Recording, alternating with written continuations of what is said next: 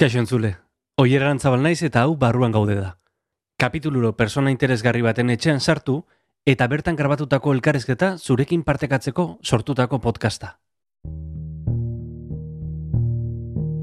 Bat biru lau, bat biru lau, gerturatu bildure gabe. Bat biru lau, bos, izazpizu. Marra, maik, amabi. Gaur etxeko ateak zabalduko dizkigun gonbidatua bersolaria da. Eta zinemagilea. Eta idazlea. Eta ziur berak idatzitako letra asko buruz dakizkizula. Berriz itzen? Ama bost, ama zei, ama zazpi, emezortzi, emeretzi, hogei. Berak idatzitako ahapaldi asko abestu dituzu. Eta zeure egin. Zeure imaginarioa eta geure imaginarioa osatu dute. Kantu bat garela aldarrikatu du zen gaurko gonbidatuak. Eta kantuaren arrastoari segika desifratu daitekeela nondi gatozen. Eta nola iritsi garen onaino. Zumaiara mikrofonoekin etorri eta sola zaldi hau grabatzeraino. Hogeta bi, hogeta iru, hogeta lau, hogeta bost, hogeta zei.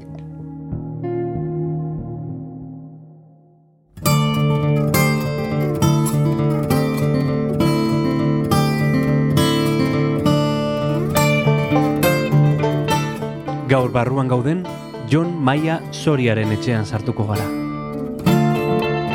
Atxilotua izan nintzen, ere bai. Hiru egun inkomunikatua pasan ditun, da horrek asko markatu nindun ere bai. Hemezortzi urtekin, ogoratzen de burua etengabe bertxotan neukala. Doinu batian, hitzekin jolasten hor. Hitzak leku aldatzen gauza berdina esaten. Ez zer. Eta bildurra handia. Torturaren bildurra handia. Hiru egun pasan ditun bildurrez. Torturaren zai. Zaplastekoa jotze zizkidaten, golpeak, lurrera bota, soinean txixa egin. Inoiz ez nintzen sentitu hain humilatua persona bezala.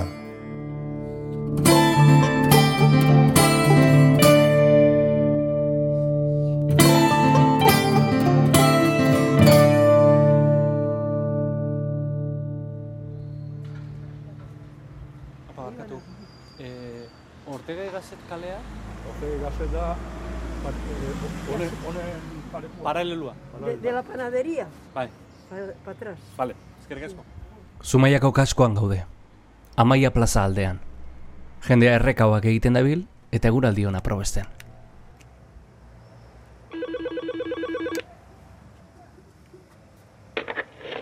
Apaion, Bai, eh, jetxingo dauz, ez da bilando timbria. Vale, ba. Vale. Apaion. Ba, aquí. Bueno, Google Maps eh, ez erabiltzeatik bueltaka. Begiratu eta hemen nago ondo ondo neon. Bai, plaza... Bai, Hemen erdiken. bai. Bueno, Vamos. oso no. Bai. Zentos decía, preparauta. Beti. Bai, bai. Ere, ez da? Hori da. Iztarila bezala. Hori da. Ego zer gauza gertatzen lan, eh? Ba, normalian txakur bat atea barko zan, Bai. da zaunkak hasi. Ba, Bai. eraman nintzen. Ah, bai, vale. vale. Molestatzeko. Bueno, me gustatzen molestatzea, eh, batzutan. Ja, bueno, bai, amite etxu da. Ze txakurdakak ba? Ba, ez dakit zer raza da, baina... Bai, nazketa. Nazketa, bai, bai. Oso polita da. Oso ondo. La, Laskautxikin baserrikoa. Ah, bai? Abaitu? Bai. Ara? Gure txakurra daka batxian. Ah, bai. Altze txakurra. Txokua. Ara, Hola, terraza. oso ondo.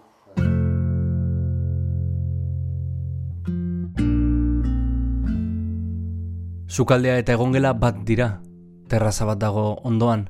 Eta beti bezala topatu dugu gure mikrofonoentzat egokia den maia. Bueno, eskerrik asko, lehenengo, beti, eh? eskerrak eman ber, lehenengo etxean sartzen zeatik. Ez tega, osea, Ongi etorri. eta Euskalduneko ez da zeguk, eh? Ez Jo, pentsa- baietz. Ez pentsat danak bai eskoitukenik. Ja, ja, ez kosteitea, bai. Kosteitea. Bai, niretzat lehenengo aldia izangoa nire txian Hmm. zerbait grabatzen dana. Nire etxeetan, Ja. bizi izan naizen etxeetan. Kasualidadez, uste jaio gina laurretxun, ba, gure familiara etorri zalako, Estremaduratik, aitan aldeti zamoratik, eta kasualidadez, ba, ba urretxura izan zileken beste herri bat ere. Hmm. Ez dauzkagu mendetako sustraiak eta arbasuak hemen. Eta gero, ba, kasualidadez Zumaian.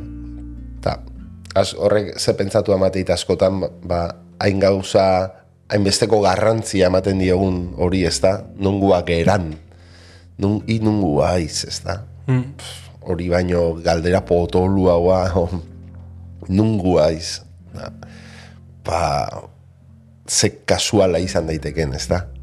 Nere aitona jetxi izan balitz trenetik e, behazainen, o jetxi izan balitz burgozen, edo, edo bordelen, ba, nire nitzake guainagu, hemen kontatzen nahiko. Beste zerbait kontatzen nahiko zinak igual. Edo kontatur, ez, igual. Igual, ez? igual ez ziaten elkarrizketa egingo, ez da? Ze gero, paradogikoki, nik dana zordiot herri honek eman digunari. Nere familian ez lukete egon bihar euskerak eta euskal herriak. E, berez, ez da? Zerbait erantxia bezala da. Zerbait etorri zaiguna edo e, zerbait gure bidetik erten, ertetzearen ondorioz e, jaso deguna da. Eta, eta ni berriz bat dana sor diot. E, hizkuntzari, euskerari eta, eta lurroni. Munduan leku bat, gustatu zait erabiltzea kontzeptu askotan, poema bat ere indadakat, eta eta hori da eman diguna, munduan leku bat, hizkuntza bat, identidade bat, eta badakat kantu bat idatzi arbaso kasualak izenekoa, eta pixkat horri buruz da. Bat trenian hemen jetxizian, eta hemengo historia guztia, hemengo minpo, zauri eta amets, eta historia milenario guztia, ba, nola e- sentitu dezakezun zure, ez da? Naiz da zure familiak hemen ez euki, e, ba, irurogei urteko historia ere. Baina dana zeure sentitzen dezu.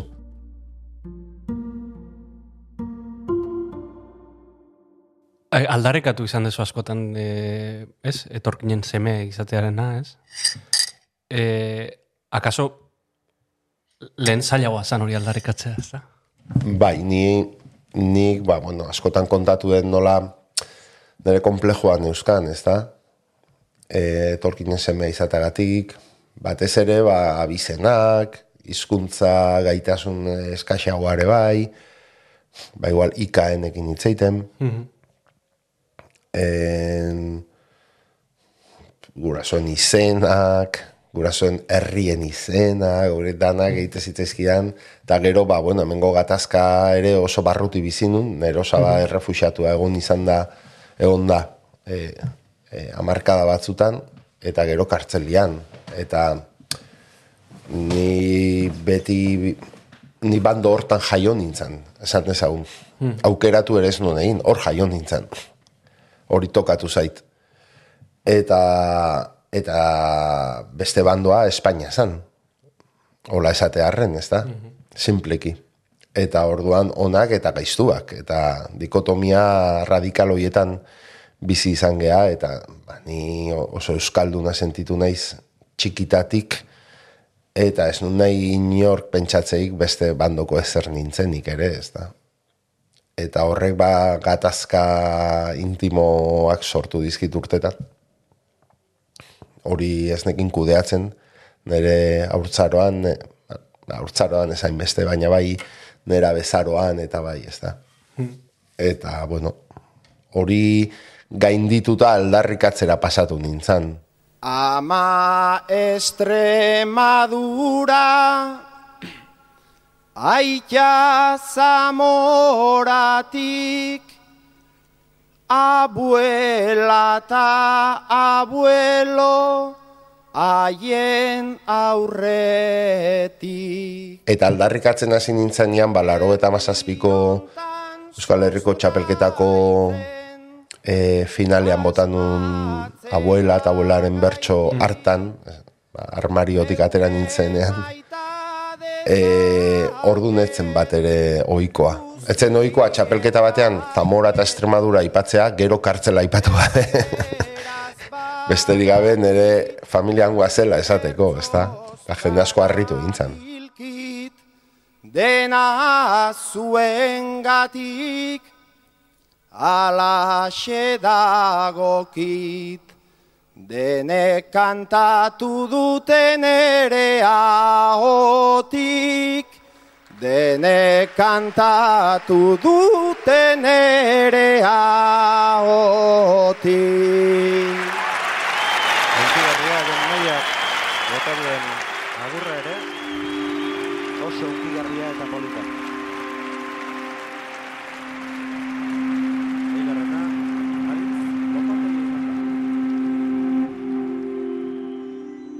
Rafa Ruedak ere aipatzen du, ez? E, berak e, pelota, bueno, bera pel- pelotari izan zen, eta bera nahiko txukuna gainera okrezpanago mungian, eta denak zirela abizenez, e, denei deitzen zietela abizenez, berari izan ezik. Berari Rafa deitzen ziotela ez Rueda. Bai. Bai. Detaileak dia, ez da? Baina norberari ba mala urtekin, amabost, amairukin, ba, eragiten diote, ez da? Eta Rio Mundo idatzi nun gero, kariadeko bentan ere kanturen bat, eta ordu netzen bat ere normala, ez? Nik ba nire posizioa erabili nun, bertsolari eta jende guztiak bazekin nire posizio politikoa zeintzan, eta orduan, ba, bueno, e, ez nintzen e, susmagarria esan dezagun, ba, etorkin haien hola esatiarren aldeko edo empatiazko mezu bat ematen hasi nintzenean ez nintzen susmagarria. Ordurako bagaje bat neukan, ibilbide bat, inkluso militantea ere, bai, esango nuke nire bertsoekin, ez da? Baina bai militantea edo kompromisozkoa beti eukide dana, ez da? Orduan, ba, orduan hasi nintzen, eta etzen bat ere oikoa. Rio Mundo novela idatzi nuenean, etzen bat ere oikoa. Identitateaz hitz egiten hasi gara. Ura ulertzeko modu perbertsoaz. Abizenengatik edo odolagatik norbait baztertzeko. Baina badago beste modu bat ere, komunitate oinarri duena eta John Maiak aldarrikatzen duena. gertatzen dana orduan behar bada identitateari buruzko hausnarketa hori ez zegoela hain zabaldua, ez da? Karo, e, oso lotua egon da odolari, eta baina ez Euskal Herrian bakarri, Sabino Aranagatik esaten denean, baina nazionalismo guztiak eraiki dira kontzeptu hoietan Europan, ez, ez bakarrik Euskal Herrikoa, e, odolaren purotasun hortan, eta sortzi abizenak, eta nazionalismoa hor- horri lotua e, jaio da leku askotan, ez da kontzeptu bezala.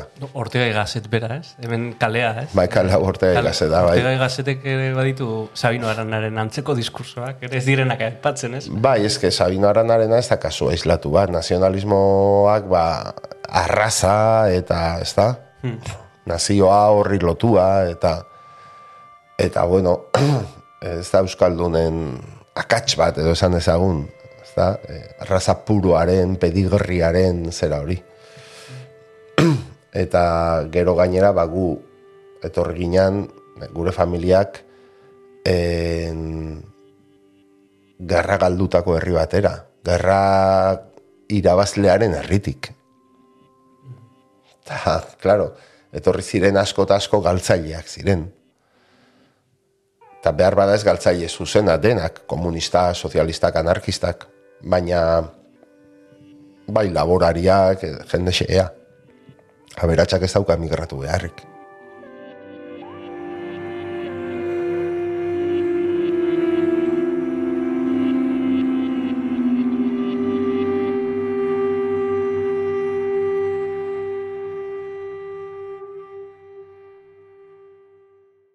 Nola oroitzen duzu laroita margarren amarkada? Ze hor, zu, zure e, loraldi hori ontzen horrez, zure mm. estanda, esan dezagun artistikoa, e, personaje publiko bihurtzea, Bueno, batetik ba, musika mm, hasi izan nire bizitzaren parte izaten, hasi nintzen kantak idazten, egu horriaki, kontzertotan kantatzen, gogoratzen dut, ba, ze ilusio itezidan horrek, zeni ba, umetan kortatu da entzuten nun, ba, pentsauko dezu. Eta neri nitaz gogoratzia eta niri eskatzia letrak idazteko hortatuko jendeak, e, egu horriakek, Ferminek, Nigo, Kaki, Txiren gara jorat, mazkotik epila Zarista galdu zuten zeukaten argia Azte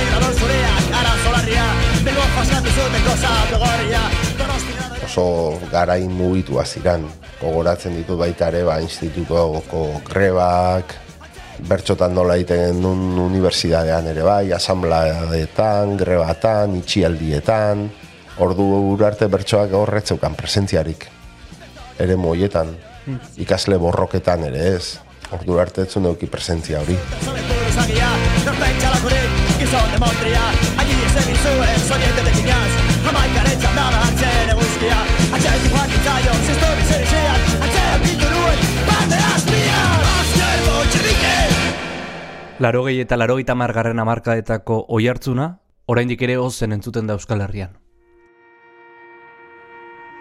eta gogoratzen ditut hildakoak ere bai, e, hilkutxa askoren ondoan kantatu izan dut, tensio handiko egunetan,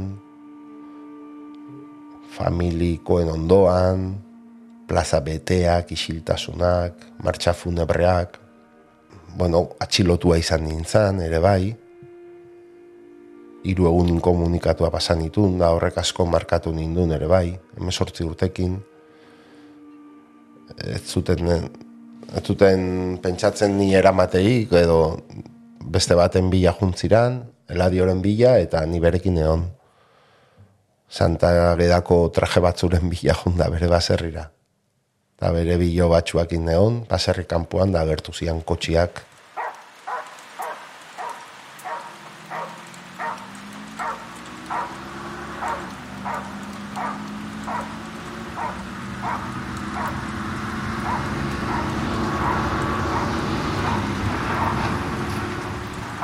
errapatzen sartu ziren baserri atariraino, atea zian gizon batzuk er, erabat junda, pistolekin apuntatzen, umeari, neri, txakurrari, eta hai, ladiogatik galdezka, eta xok batian sartu nintzan, da ea zein nintzan ni, da, ba, hor nintzala, ba, baserri tar traje batzun bila.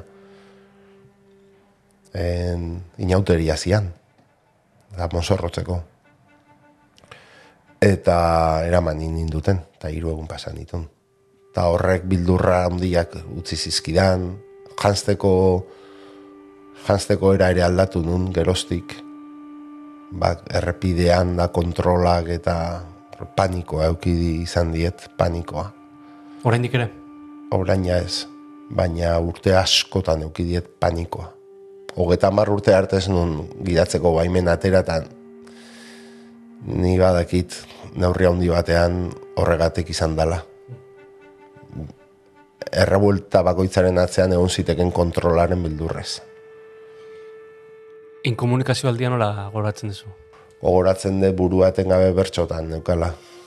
Doinu batian hitzekin jolasten hor. Hitzak leku aldatzen gauza berdina esaten. Ez dakiz zer. Eta bildurra handia. Torturaren bildurra handia. Hiru egun pasan ditun bildurrez. Torturaren zai. Eta, eta gero ez ninduten espezifikoki torturatu. Atxilo aldian zehar bai zaplastekoa jotze zizkidaten, golpeak, lurrera bota, soinean txixain.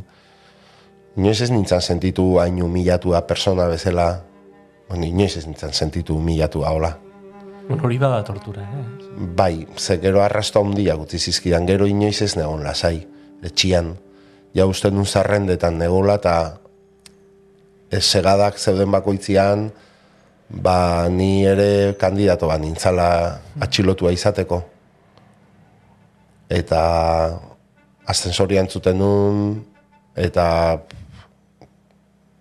dardarka azten nintzen. Kotxe bat entzuten nun etxe ondotik pasatzen gauez eta lehiora korreka juten nintzen. Beti bildurrez. bai, horrek asko markatu nindun. Karguri gabe libre atera nintzen. baina ordun konturatu nintzen zenba balio duen askatasunak. Galdu, galtzian konturatu nintzen. Muñeko bat sentitu nintzen. Atxilotuta nintzen bitartean ezin nion eramari deitu, esateko ateratzeko handik, ezin nun, ezin nun laguntza eskatu, ezin nun ezer egin. Babes gabe. Inoiz ez nun sentitu hori. Era bat eskubideri gabeko muñeko bat sentitu nintzen. Beraien eskutan, eta edo zer zala posible egitea neri. Bai, bueno, hori gogoratzen dut, emezortzi urtekin.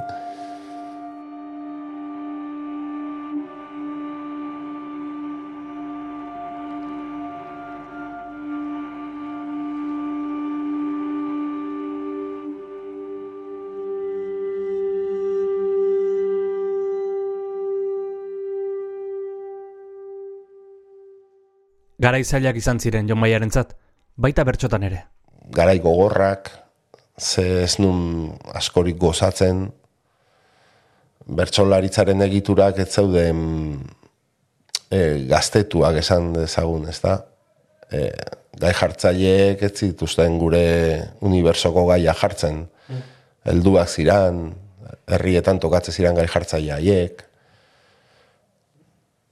Askotan ez nitu ulertzen gaiak, ez nekin dun zeuden gakoak, ez nekin zerri heldu, nundik erten. Eta hogeta bost urte inarte, lehenengo finalera arte, e, ba, gombitoa botatzen ditun komunian kantatu baino lehen. Baina beti, ez, ez tarteka ez, beti.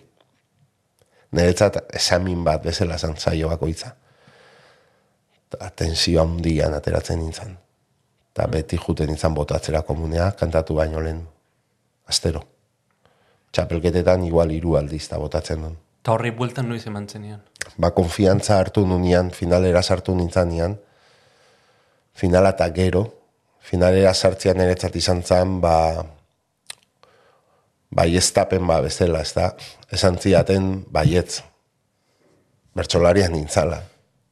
Hori, kanpotik, ze ordura arte garrantzia handia ematen nion, bertsozale asko, esatezun, pentsatzen hau zer da, honek, claro, gure euskera, gure referentziak, gure bertxokera, bertsozale oikoaren belarriak, ez zeuden hor, hortarako prestatuak. Nik ulertzen dut orain. Orduan, ez nun, ondo ulertzen. Orduan, inkomprendidoa sentitzen nintzen. Txapelketan lehenengo kanporaketan kalera juten nintzen nien. Zen, baina, hau zer da? Hau zer da? Osea, nik ez dut gaixi kantatu, ez da? Eta, baina, klaro, beraientzat, nik egiten duna, ba, izango zen, ba, plastikozko, ba, berria jaio ginen liburuan kontatzen ditut gauza horiek. Eta esaten dut, ba, bertsolari in vitroa ginela, ez da? Beste ia danak amaren tititik, edantzuten bertsolaritza, eta gu, ba, in vitro.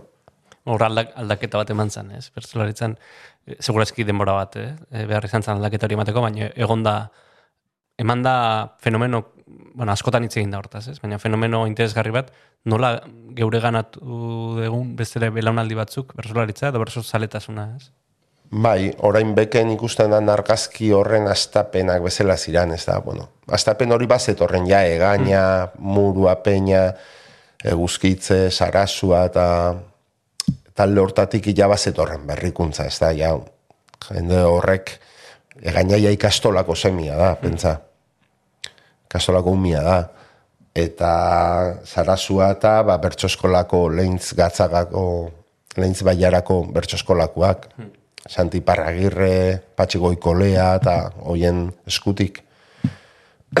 ja lehenengoak izan ziran e, e, bertsoskolen laborategi hoietatik ertetzen. Baina ala ere bazuten tradizio bat haiek. Haien tradiziotik zetozela esango nuke eguzkitze eta sarasua, ez da. Gu ja azten geranian larogeta amar garren urte horren bueltan, ez da? Ba, maialen, e, una igor, gero irazu, okupa zala, baserritarra eta okupa.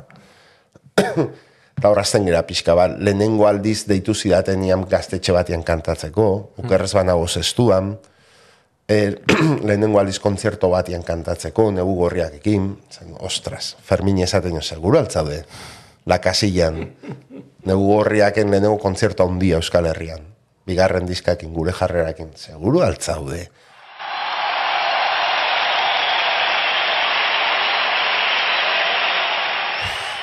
Bai, bai, jende azten danean bestela, bestela zu atera, eta zan lehoietara bialtzia bezala. Agur galindo zensurarena Agur galindo torturarena jendia, Hor botak egin zenun?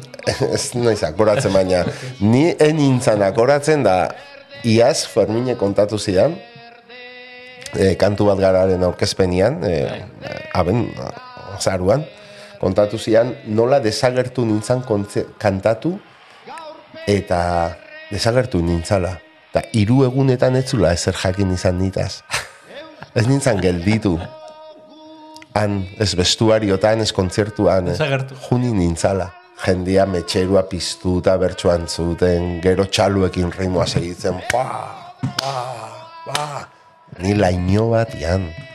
Ba, jendeargek etzekin bertso bat nola entzun. Konturatu nintzen etzekitela bertso bat nola entzutezan. Bi mundu antagoniko zian, pentsa, zeian esaten, eh? Gaude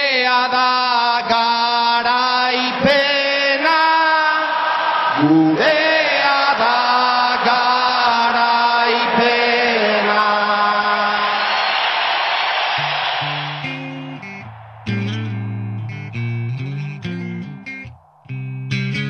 Hor fer, Ferminek asmatu zuen zerbaitekin, ez? Fermin Muruzak asmatu izan du e, klik egiten. Ferminek habilidade berezia eukidu beti, gurea bertakoa, lokala, identitarioa, identitarioaren simbolismoa, eta unibertso imaginarioa, eta e, kanpoko tendentziak ustartzen. Publiken emimikek bi metrai eta zeuskanean simboloan eta bixeratan, bera bi aizkora e, jarri zituen, ez da, bixeratan. Ni gogoratzen naiz jendeak nola kritikatzezun baita, jende batek. Nere kuadrillan eta... Osa, bixera. Bixerakin kantatzen, ez da? Ez da, Euskalduna gehala, eh? Ze jankien, ni gogoratzen naiz ertzainak Guantanamera kantatzen Bilbon. Eta jendia Euskal Herrian, Euskaraz, Euskal Herrian, Euskaraz. Gogoratzen naiz, eh?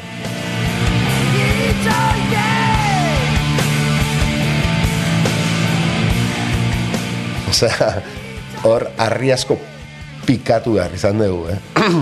Onaino ailegatzeko.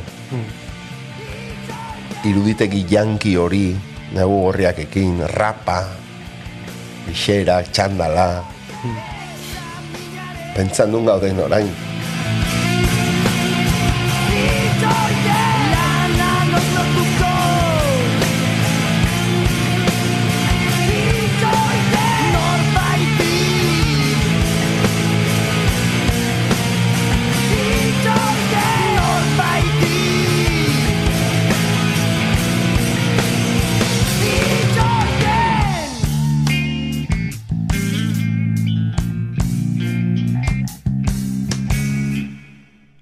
Kantu bat gara izena du eh, John Mayaren azken proiektuak, eta bertan, bere historian zehar idatzitako abestiak jaso ditu.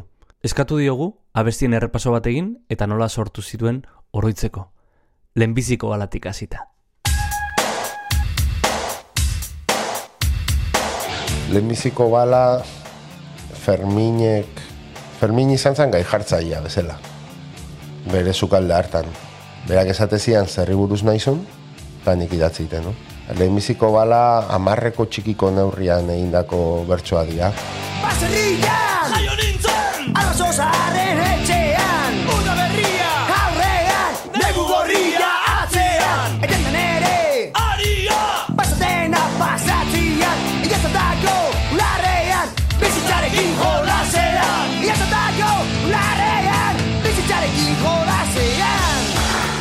benetan gertatutako histori bazan baserri batian, baserriko hiru edo erori zian. Ez dakit silo batian edo erorita, eta bat beste ateratzea jun, eta ura ere hil, eta hirugarrena jun, eta ura ere hil, eta bate bere buruaz beste, bueno, holako dut ezgrazi handi bat, eta hortan hori hori kontatu zidan, eta eta orduan ba gelditze zamna edo ba jaiste zala herrira? Ez dakit. Ez dut ondo gogoratzen nola pixkal amorrotuta gogoratzen dut, baina benetako desgrazi batean oinarritutako histori bada. Bertxotan kontatzen dana. Niretzat kantu zoragarria, itzela da, niretzat lehenbiziko bala. Em, gehienetakoa gustatzen zaidan kantutako bada. Nire kutxunen artean dago, segurazki idatzi nun lehenengoa izan zalako, idatzi deten lehenengo kanta, eta baina kanta beragatik. Kontzertua gazte ziran horrekin, eta azte zanien gitarrari pam pam pam pam pam pam pam pam pam pam pam pam pam pam pam pam bueno, bueno ez que zan emozioa dola negu horriakin kontzertua gazte zianien horrekin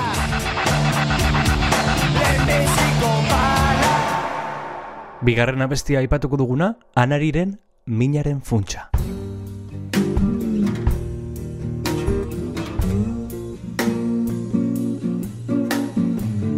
anari ezagutu nun gazteizen, biok estudiatzen, aiginan gazteizen, eta eta pixu berian bizitzen jarri ginen.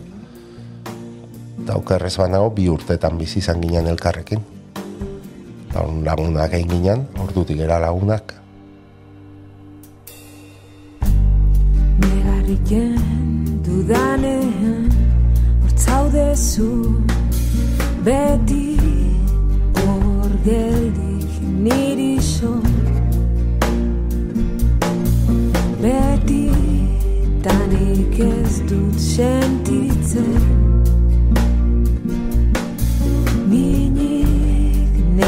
negarrak egandoa Bera bateria jotzezun, askoitiko talde batian, eta oso berezia zan, ez da? Neska bat bateria jotzezuna, eta bateria eta kantatu ere egitezula usteet. eta bueno, behin ikusi nun, okerrez banao, ez dakit, azpeitin askoitin. Jotzen, eta eta ba, bera, bere logelan askoz egin musikaz, ez nun ezagutzen apenas talderik berak entzutezun musika hortan. Gogoratzen naiz, ba, oso gauza bereziak entzute zitula garai hartan ja o eta bost urte aiga esaten eh, gehiago. Pili Harvey, Korkobado, eta gogoratzen ditut pare bat. Eta bueno, ba, berak bere logelan intzitun lehenengo diskoko kantu haiek gitarrakin eta eta bai lehenengo diskoan ba bigarrenean eta bai soutako ikastolaren aldeko disko batian ere egin nion nizkion kanta batzuk. Negarriken dudanean hortzaudezu Beti hor geldik niri so Beti tanik ez dut sentitzen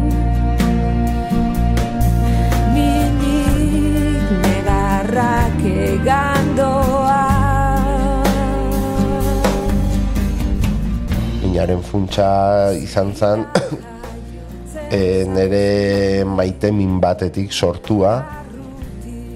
Emoiztazuz musutxuaren trilogian sartuko nuke historia berean eta bai, ba, mina eta minetik sortutako kantu bat.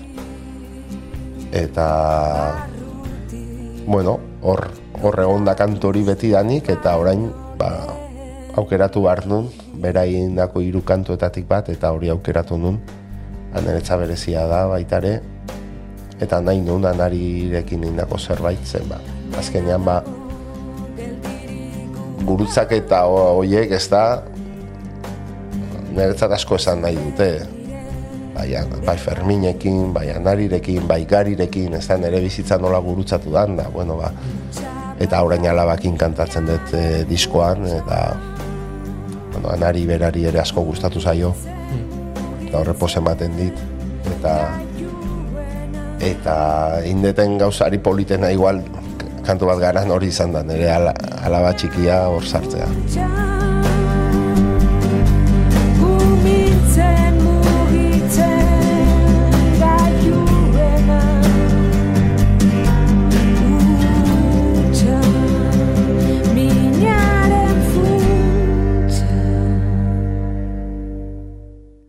E, minetik ala pozetik nondik idaztezu e, errazago edo nondik ateratzen zaizu gehiago? Ez nuke jakingo esaten. Minetik baldintzatuago idazten dut.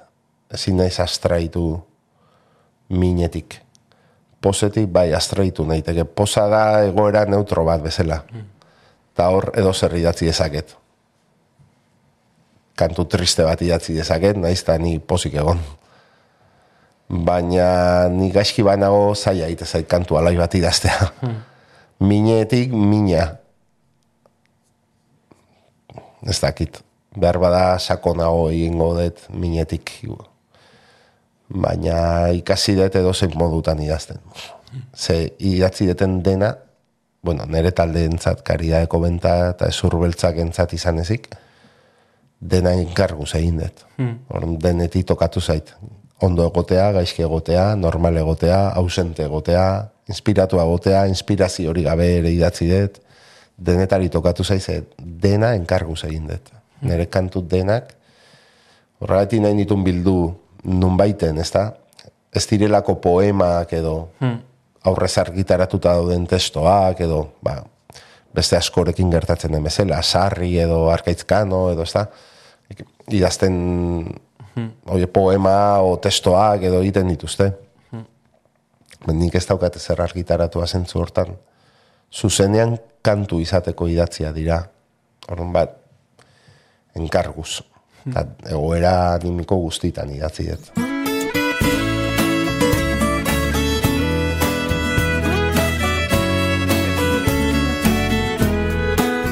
Mikel Urangari, non geratzen den denbora. Bai, bertsoiek egin da neuskan, berari eskaini nizkionean. Eta egin da neuskan, ba, e, Felix Urdangarin, e, Felix Iñurrategiren eriotzaren bueltan, eta eta gero esaten dut XL letra badala, ze en, Xavier Letek kantatzen duen Xavier Lizardiren poematik e, berriro igo nauzuen hemen dira esaten duna. Eta oso esaldi misterio txua zait beti hori ez da berriro igo nauzuen hemen dira. Ze esan nahi du konkretuki ez da? En hemen dia segurazki barne mendi bat izan behar du hola esan da. Eta Felix hiltzenean ba, Euskal Herria kolpatu zuen albiste latz hori nik ere ezagutu nun, umetatik bertsolaria izan zalako, ez da? Da, istura nazional hortan edo, deno segitzen genitun bi gazte jator, alai, hoien abenturak, eta balentriak, ez da? Ta, golpe ondi hortan, ba, gogoratu nintzen esaldi hortaz, Xavier Leteren kantaz, ba, segurazki Himalaian dabiltzan hoietanak ere bene-benetan igo nahi duten mendia bere barrokoa dala, ez da? Autosuperazioa eta erronka hori. Agutako askok hilo behar ditugu mendiak, gure barneko mendiak, ez da? Igona zazu nire mendira aurki dezadan bidea Izan daitekena komplejo bat, izan daitekena bullying bat, izan daitekena edo zer gauza, ez da? E, maite min bat ezin desuna remontatu, ez da? Eta hor, hortik idatzen nun non geratzen den denbora, eta Mikelek kantu eder hori egin zuen, eta hori ere nahi nun, nahi nun sartu. Zu ez baitzara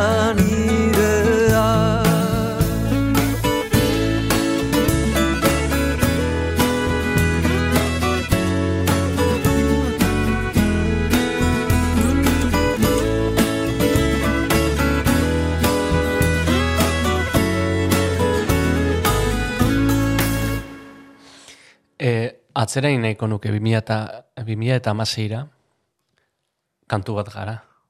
Orduan poema irakurri zenuen, ez? Bai, E, otegiren e, Ongi etorria. ongietorrian, ez da? E, belodromoan zen? bai, Belodromoan. Hor, e, gogoratzen dut, Asier Etxeberriak, la, e, Bai. lagun eta lankide, Bai. e, Asier Etxeberriak, e, zuela, eskultura bat irutu zeola, ez? Eskultura baten parekoa irutu zeola, eta geurea, ez? Oso geurea, e, konkretuki, zuen, ez? Beste mundu, modu batera esan da, e, guztiz geuretzakoa, geu bezala ulerturik, geure garaia, geure kultura, bizi izan dugunon multzoa, ez?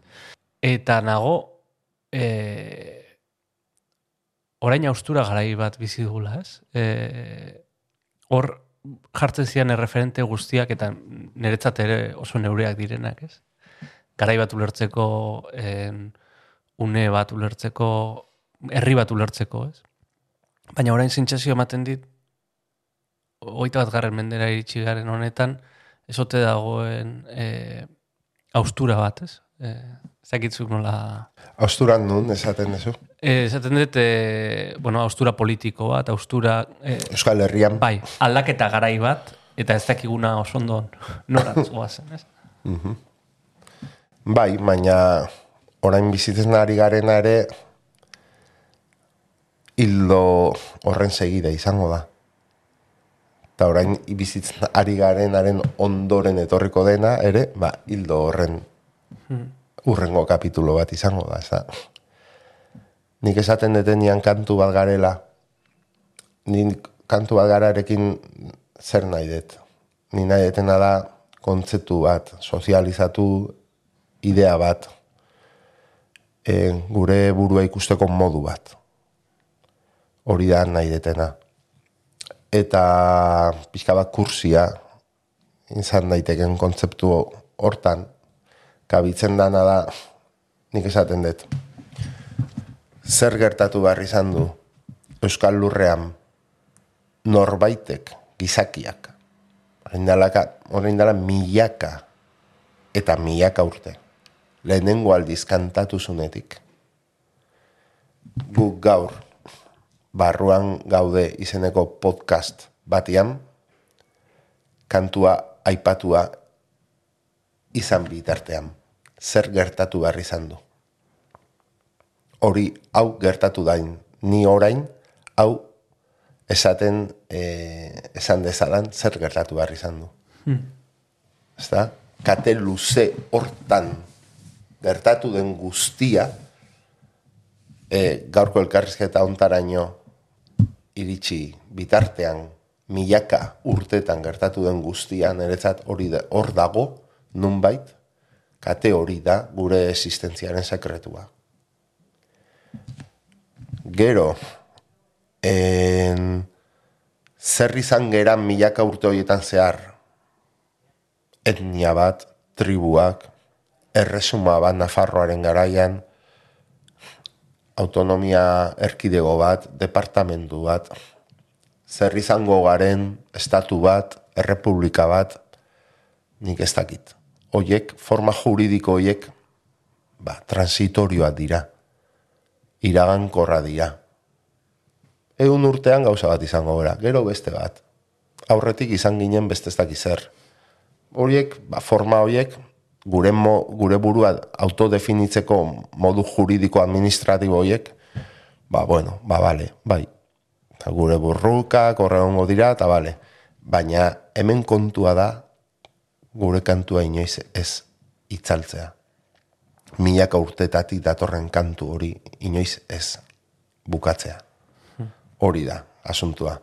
Orain austura daudela eta o, e, banaketak daudela eta ezak bueno, eta lehen orain dela laro gehi urte, iruro gehi urte, frankismoaren bukaeran eta ere baita ere, frakzio, korronte, talde politiko, pillo bat sortu ziran, bueno, eta orain, eh, pues, gertatuko dira gauzak. Eta hogei urte barru igual estatu bat izango igual bai. Eta ezagik, bueno, baina kontua da, horren azpitik lurpeti doan erreka hori, inoiz ez etetea. Eta horregaitik esaten kantu bat garela, ez da? Milaka urtetatik datorrena. Eta, eta kantu horrek bide horretan, milaka urtetako eta menderi mendeko belaunaldiz, belaunaldi, gogori gogo, memoriz memori, personaz persona, pasatuz joan dan kantu hori, e, forma aldatzen, azalberritzen, eraberritzen doa. Ba, bere terretxen kantoria baldin bada ezagutzen dugun kantu zarrena, Xuberoako borda batean, kandela baten argitara norbaitek noizbait idatzi zuena, Hmm. nola iritsi da kantori 2000 eta hogeta bigarren urtera bizirik. Nola borda hartatik? Zenbat gauza gertatu behar izan dira kantori bizirik iritsi dadin gaur egun arte, hizkuntza txiki honen ekosisteman. Lur txiki honen eremu mugatuan. Ze gertatu dan guztiaren ondoren, orain podcast honetan bere terretxa aipatzen ari naiz. Eta orain entzuten ditugu trap, rap, indie, eta nahi esun guztia elektronikoa euskeraz. Oie dira azken derivazioak gure kantuarena. Oie dira azken formak. Eta eskerrak. Ze horri eskerrez gaude fosilizatuak. Hmm. Neri asko gustatzen zaita entzinako kantagintza, baina eskerrak berria forma diverso guztietan eta eremu berrietan eta hirietako auzunetan eta bajeratan da lokaletan norbaitek jarraitzen duen euskerazko kantua egiten forma berrietan. Horregaitik gaude bizirik. Horri esker gaude bizirik, ez da? Evoluzio horri esker, variazio horri esker, etengabeko egokitze eta eguneratze horri esker gaude jarraitzen dugu bizirik. Horregatik esaten dut kantu bat garela, ez eta bai, Euskal Herria, ba, politikoki esan ezagun, o administratiboki ere, eukiko ditugu forma nahi ditugunak.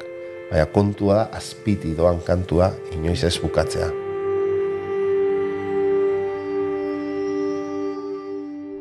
Orain askotan ikusi dugu epaitegietan eta euskara gutxi esten eta euskara Bai. bigarren mailako bezala jartzen. Ez nik izaten kasi objektu bat balitz bezala, ez? E, apaingarri bat balitz bezala, hautazko apaingarri bat balitz bezala, eta ni, nire ikusten ez esplikatzea ez dela nire kapritxo bat euskara erabiltzea da, ni naizena.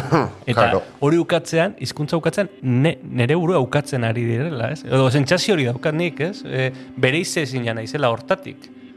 Eta, Claro. eta orduan da oso gauza esentziala, ez, ez da gauza bat, aizu, ba, e, ba ez molest, oza, hitz egin gazteleraz ez molestatu, ez? E, jantzi beste, bel, be- e, zera, ez? Beste apaingarri bat, beste txaketa bat, berdin dio, ez dio berdin, ez? Bai. Nik idatzi nun Euskal Herrian Euskaraz egorain dela urte desenteia, eskatu zidan testotxo bat idazteko, ba, beraiek ateratzen duten hartzeren esaldia bezala, eta ez da?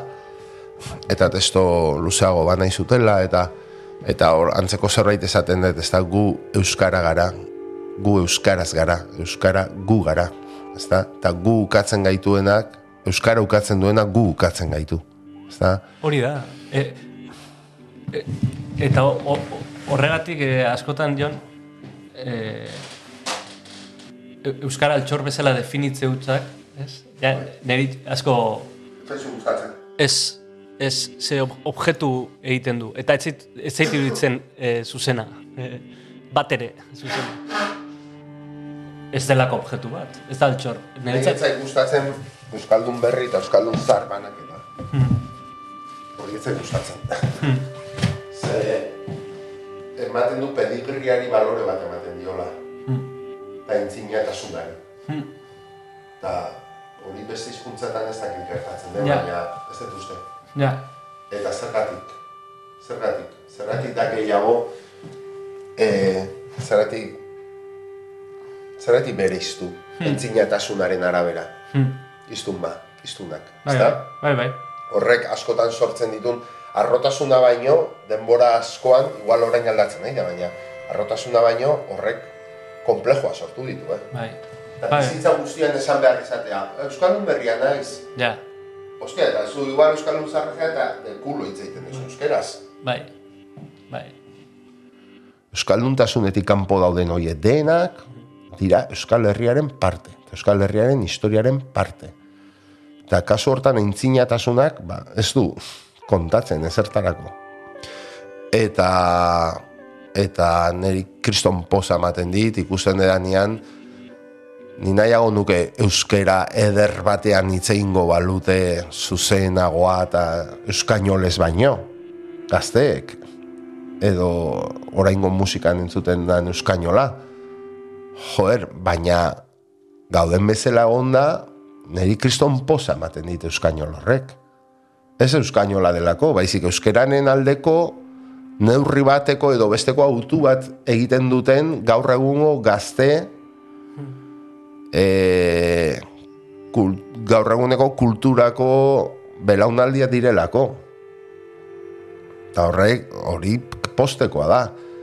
Den, oiei ezin diegu eskatu, e, gainera eredu izan daitezela, esaten duten gauzetan, e, e, eta, egin dute euskeraren aldeko neurri bateko edo besteko autu bat, eta eskerrak horri.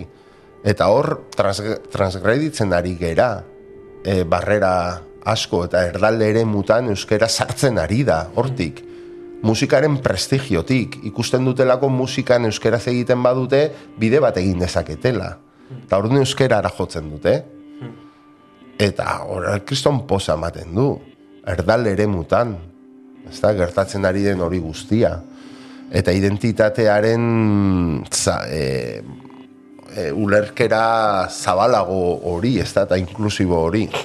Eta hori da interesatzen zaidana. Eta horregatik egiten dut burruka baitaren ere diskursoarekin, ba, historiaren ikuspegi hori ematen saiatzen naiz, Mhm.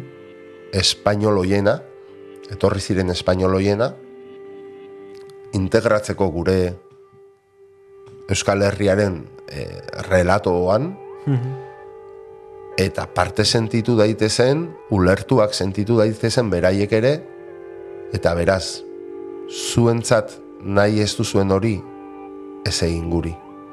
Nik ez dizue zuei eskatuko renegatu dezazuen, zu ez zeraten ho- horri.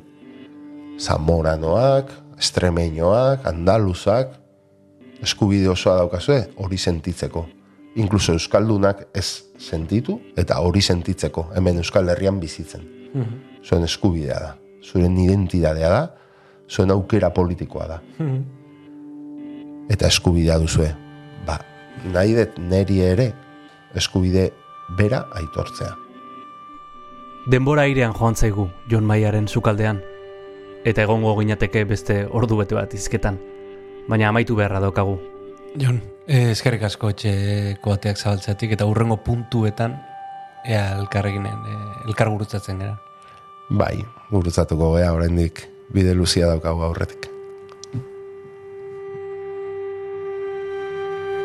Hauxe izan da aste honetako etxea, aste honetako elkarrizketa, baina gogoratu beste berrogeita hamabi ere entzungai dauzkazula EITB podcasten eta audio plataformetan, eta ostiralero ostiralero etxe berri batean sartzen garela. Persona interesgarri baten bila. Elkarrizketa bat grabatzeko asmoz. Zuri ona ekartzeko. Agur?